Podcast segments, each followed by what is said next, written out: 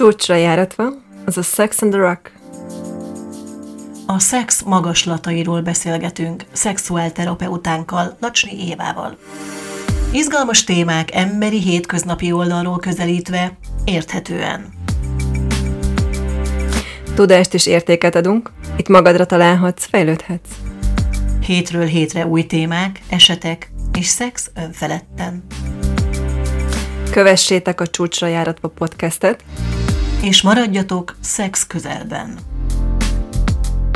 Intimitással és szexualitással foglalkozó podcast sorozatunkban ezúttal arra vállalkoznánk beszélgető partneremmel, Lacsni Éva, szexuálterapeutával, hogy megvilágítsuk egy kicsit azt az érdekes fogalmat, amelyet a, a, a köztudatban nagyon kevésszer használunk, nem szakemberként, laikusként, viszont annál inkább jelen van, és ez pedig a biztonsági játék. Én Kocsis Noémi vagyok, újságíró.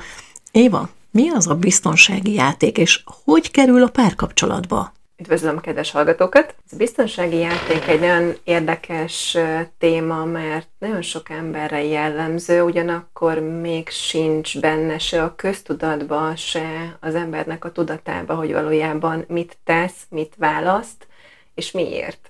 Általánosságban férfiakra jellemző a biztonsági játék, ami azt jelenti, hogy van benne egy fokú bizonytalanság. És akkor, amikor férfiként egy kérdés áll a férfi és a nő közé, akkor megjelenik ugye az a bizonytalansági faktor, ami alapján eh, kialakítok egy olyan mintát, hogy biztonsági játékot játszok. Tehát kivárok, és megnézem azt, hogy eh, a női partner az mikor adja meg a zöld lámpát, és esetleg még rá is támaszkodom, és azt kérem tőle, hogy kérlek, kedv- ö, kezdeményezz, mert ha tudom, hogy te vágysz rám, és kívánsz engem, akkor már én is magabiztosabbá tudok válni, és bele tudok vonódni egy együttlétbe, de szükségem van erre a megerősítésre, hogy megtegyem az első lépést. Tudunk erre mondani egy, egy tipikus példát, egy helyzetgyakorlatot, úgymond? Hogy hogy néz ki egy ilyen hétköznapi, bármikor tetten érhető kis biztonsági játékperc? Nagyon gyakran a randizás időszakában érhető tetten, amikor az emberek már úgy kóstolgatják, vagy a felek kóstolgatják egymást, és most csak így elő, elém képzelem a szituációt, a férfi ott ül a kanapé szélén, és, és várja, hogy, hogy a női partner hogy reagál rá. Nem mer igazán kezdeményezni, nem meri megcsókolni, nem meri táncra hívni, hanem áll és vár. Leadja az üzeneteket, hogy igen, szeretném, de nem mozdul. És van egy ilyen furcsa, kivárós, fagyott energia az egészben.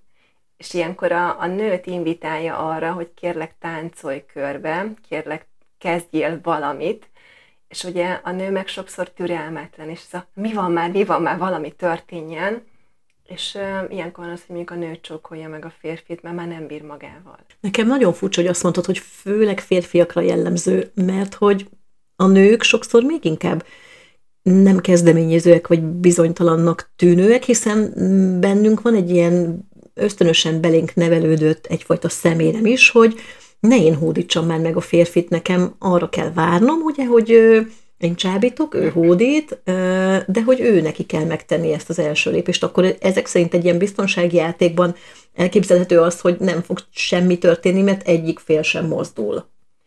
Az is elképzelhető, így van, de azt tudni kell, hogy ha most a férfiakról beszélünk, ha a férfi partner elkerülő, tehát biztonsági játékot játszik, alapvetően egy nála dominánsabb, irányítóbb, karakánabb nővel próbálkozik, aki ugye tudja kompenzálni ezt a hiányosságát. Ezért van az, hogy ugye a nő már türelmetlen és megteszi az első lépést.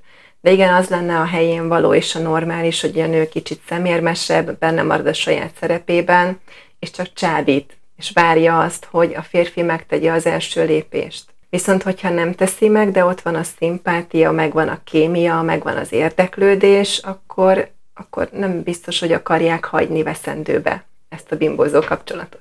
Ilyenkor a kívülállók, vagy hát a közvélemény azt szokta esetleg gondolni, hogy hogy nincsen még ezzel semmi probléma, hiszen nem feltétlenül gyáva az a János, vagy az a Béla, hanem egyszerűen ő ilyen típus, ilyen kis visszahúzódó, notabene introvertált, de hogy ugye azért sokan ilyenek, tehát hogy mi ezzel a probléma? Alapvetően mondanám, hogy nincs vele probléma, mindaddig, amíg ők nem kerülnek úgy igazán kapcsolatba, és mindenki eljátsza a saját szerepét.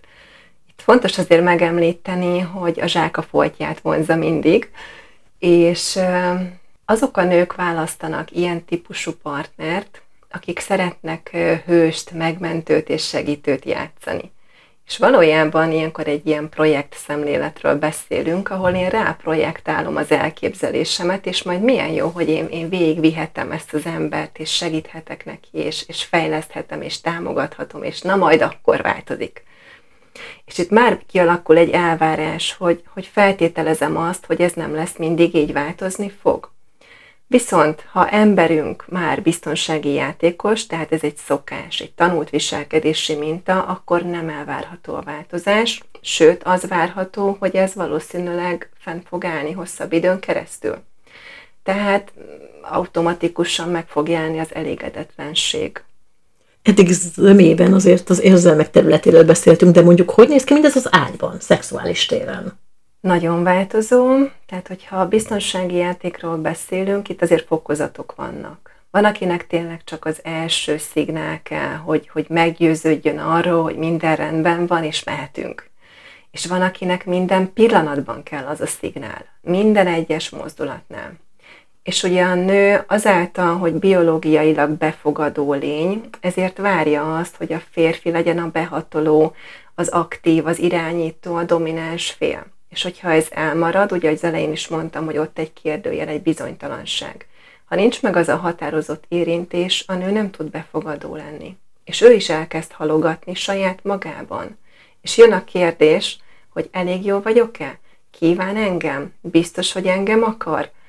Mi a baj velem? És benne is megjelenik a kérdés. Tehát mindig egymásra hatunk, onnantól kezdve, hogy kialakulnak az érzelmek, és érzelmi kapcsolatról beszélünk, az egyik minta átkerül a másikba valamilyen úton, módon. És biztos, hogy a biztonsági játékot nem tudjuk összekeverni a, a flörtel, vagy ezzel a kis incselkedéssel, úgymond, ugye, hogy nem visszahúzódó ő, vagy nem kivárós típus, hanem igazából csak így, így fel akar engem húzni, így, így, így izgalmi szinten akar engem tartani. Tehát nem összekeverhetőek ezek a dolgok, és lehet, hogy félreértem. A jelenlétben keresendő a válasz az, aki tudatosan flörtöl és húzza a nőt, mert azért kell, kell a nőnek, hogy ott legyen az a kis kivárás, az, az ott jelenik meg, hogy a, a nő az, az érzi a vágyát, és azt, hogy úristen, de kívánom ezt a férfit, és akarom, és várom azt, hogy tegye a lépést. Viszont az elkerülő férfinál ez elmarad. Tehát, hogy valójában saját magunkban kereshetjük erre a választ. Zavart okozhat, ahogy már említettük, hogyan borulnak fel a dolgok a párkapcsolatban ennek következtében, vagy eredményeképpen? Tehát milyen negatív folyamatok tudnak elindulni? Tehát ugye, ha onnan indulunk ki, hogy a, a férfi az elkerülő, a biztonsági játékos, és ugye a nő ezt, ezt kompenzálja.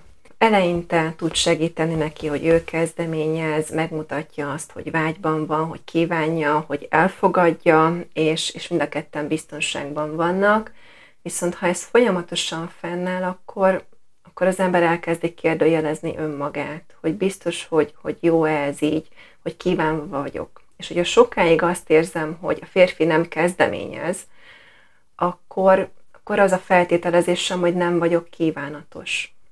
És innentől kezdve bekapcsol a frusztráció, a szorongás, a bizalmatlanság, az elégedetlenség, és ez tetten érhető ugye akár a nemi vágyban, akár a motivációban, vagy az érdeklődés minőségében és a felkészültségben. Tehát ugye a nő mikor fog nedvesedni, mennyi időre van szüksége. És lehet, hogy ő is elkezd kivárni és játszani ezzel, hogy na akkor, de kérem azt a szignált, hogy, hogy igen, itt vagyok, és, és én is vágyom erre, és te is vágysz erre. És ha ez nem érkezik, akkor egy darabig tud menni, de aztán feladja. Éva, találkoztál-e azzal, hogy párok egészen hosszan képesek ezt a helyzetet konzerváltan fenntartani, tehát akár évekig működhet egy, idézőjelesen működhet egy, egy házasság vagy párkapcsolat úgy, hogy a felek erre rendezkedtek be, ezt konzerválták, ezt betonozták be. Nyilván nem feltétlenül boldogok benne, de hogy viszik tovább ezeket a mintákat és ezeket a szerepeket. Egyébként ez a leggyakoribb probléma, amivel keresnek a praxisban. Igaz, hogy nem így jönnek, hogy biztonsági játékost vagyok, kérlek segíts. Hanem mit, mit mondanak? Hanem Tehát mi a felismerés lényege ilyenkor? A felismerés az, hogy, hogy elégedetlenség van, és már nem bírom tovább. Már és a másik a hibás. Fáj, nem is hibáztatnak? Mhm. senkit, csak egyszerűen a tény megállapítása, hogy valami hiányzik.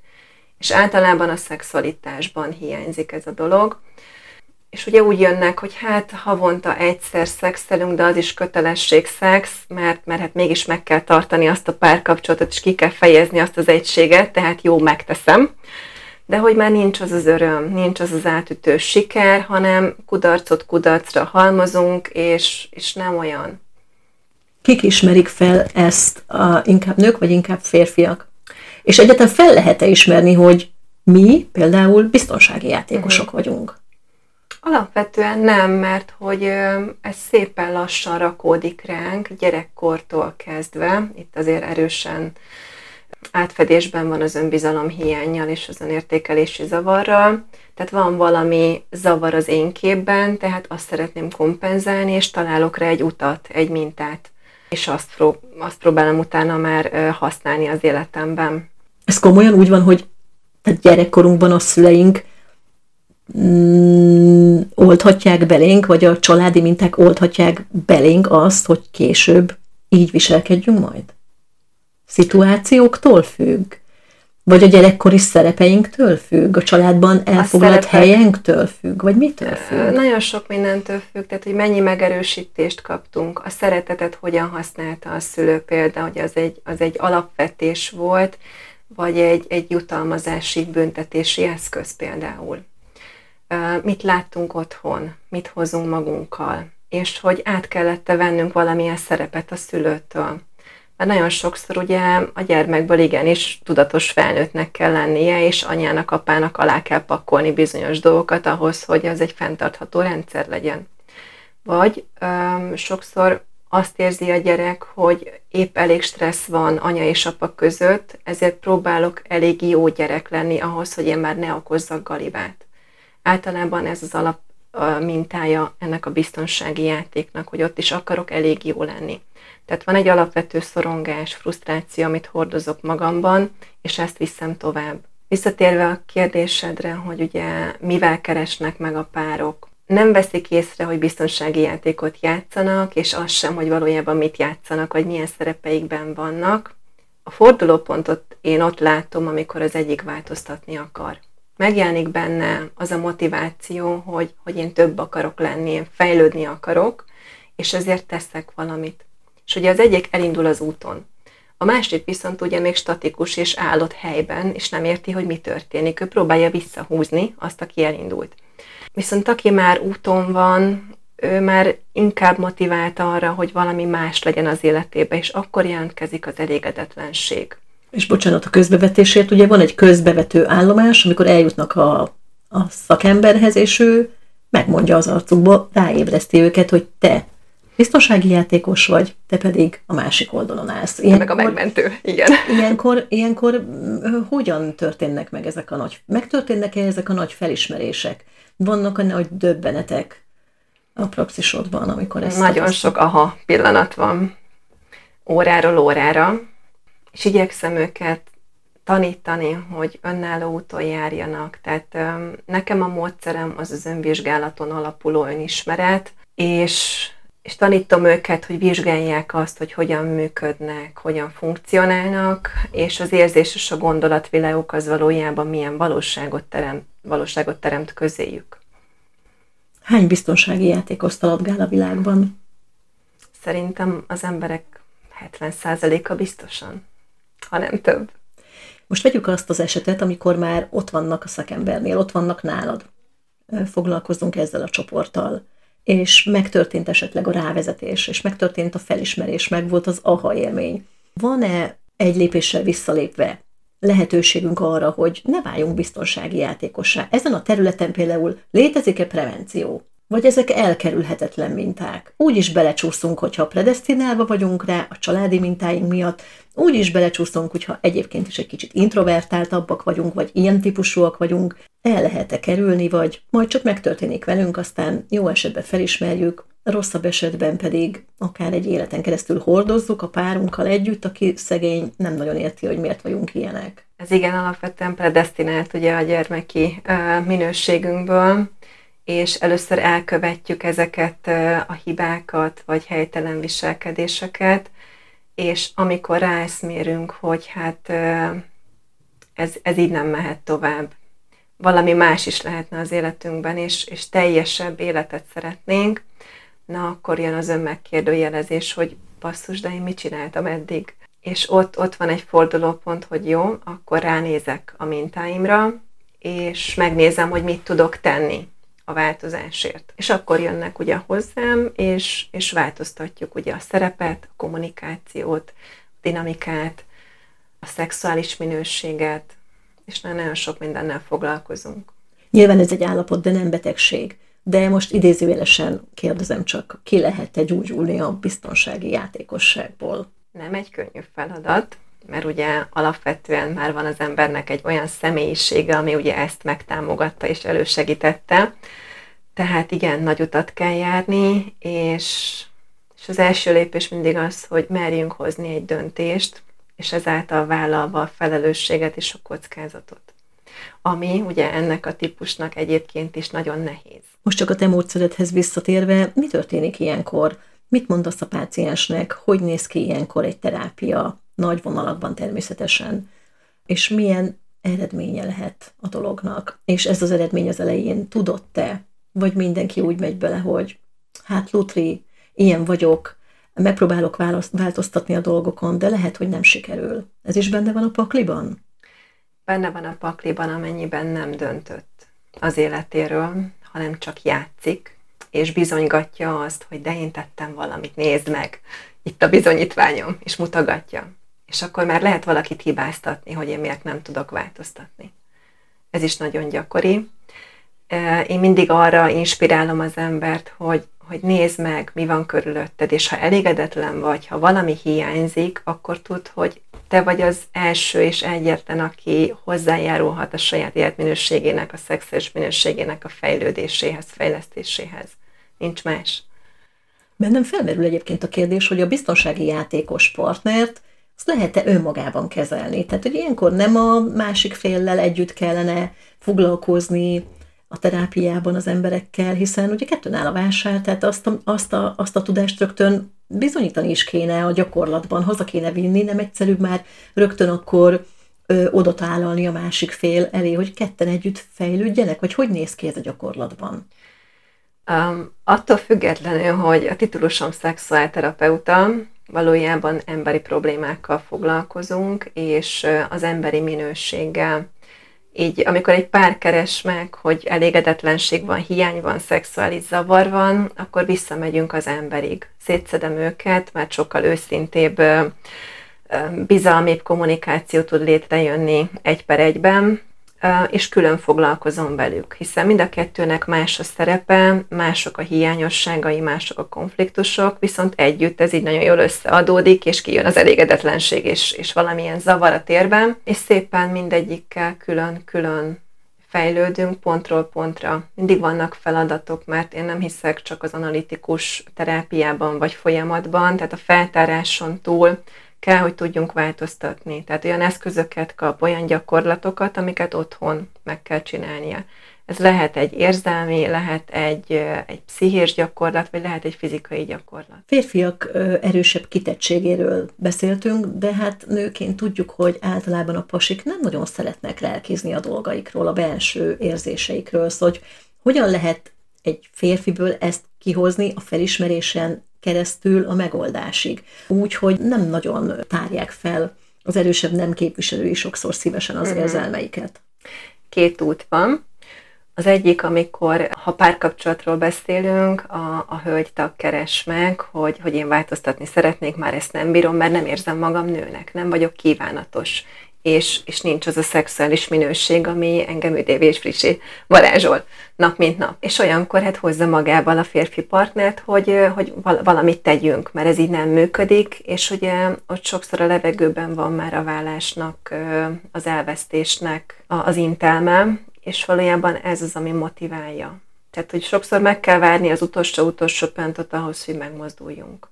Mégis mit mondhatunk annak, aki ilyen helyzetben van, most ennek az adásnak hatására is esetleg felismeri, hogy ilyen helyzetben van, meddig tart egy ilyen folyamat, meddig tart kijönni egy ilyen folyamatból. Azt ugye többször említettük, hogy akarni kell, partnernek kell lenni benne, és nem egyszerű, és hogy tényleg egy folyamat. De hát az ember halandó, esendő és türelmetlen lény.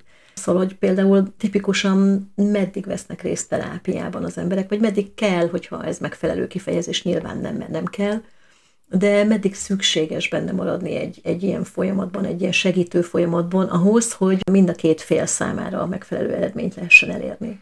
Nagyon változó, tényleg motiváció és cselekvés függvénye.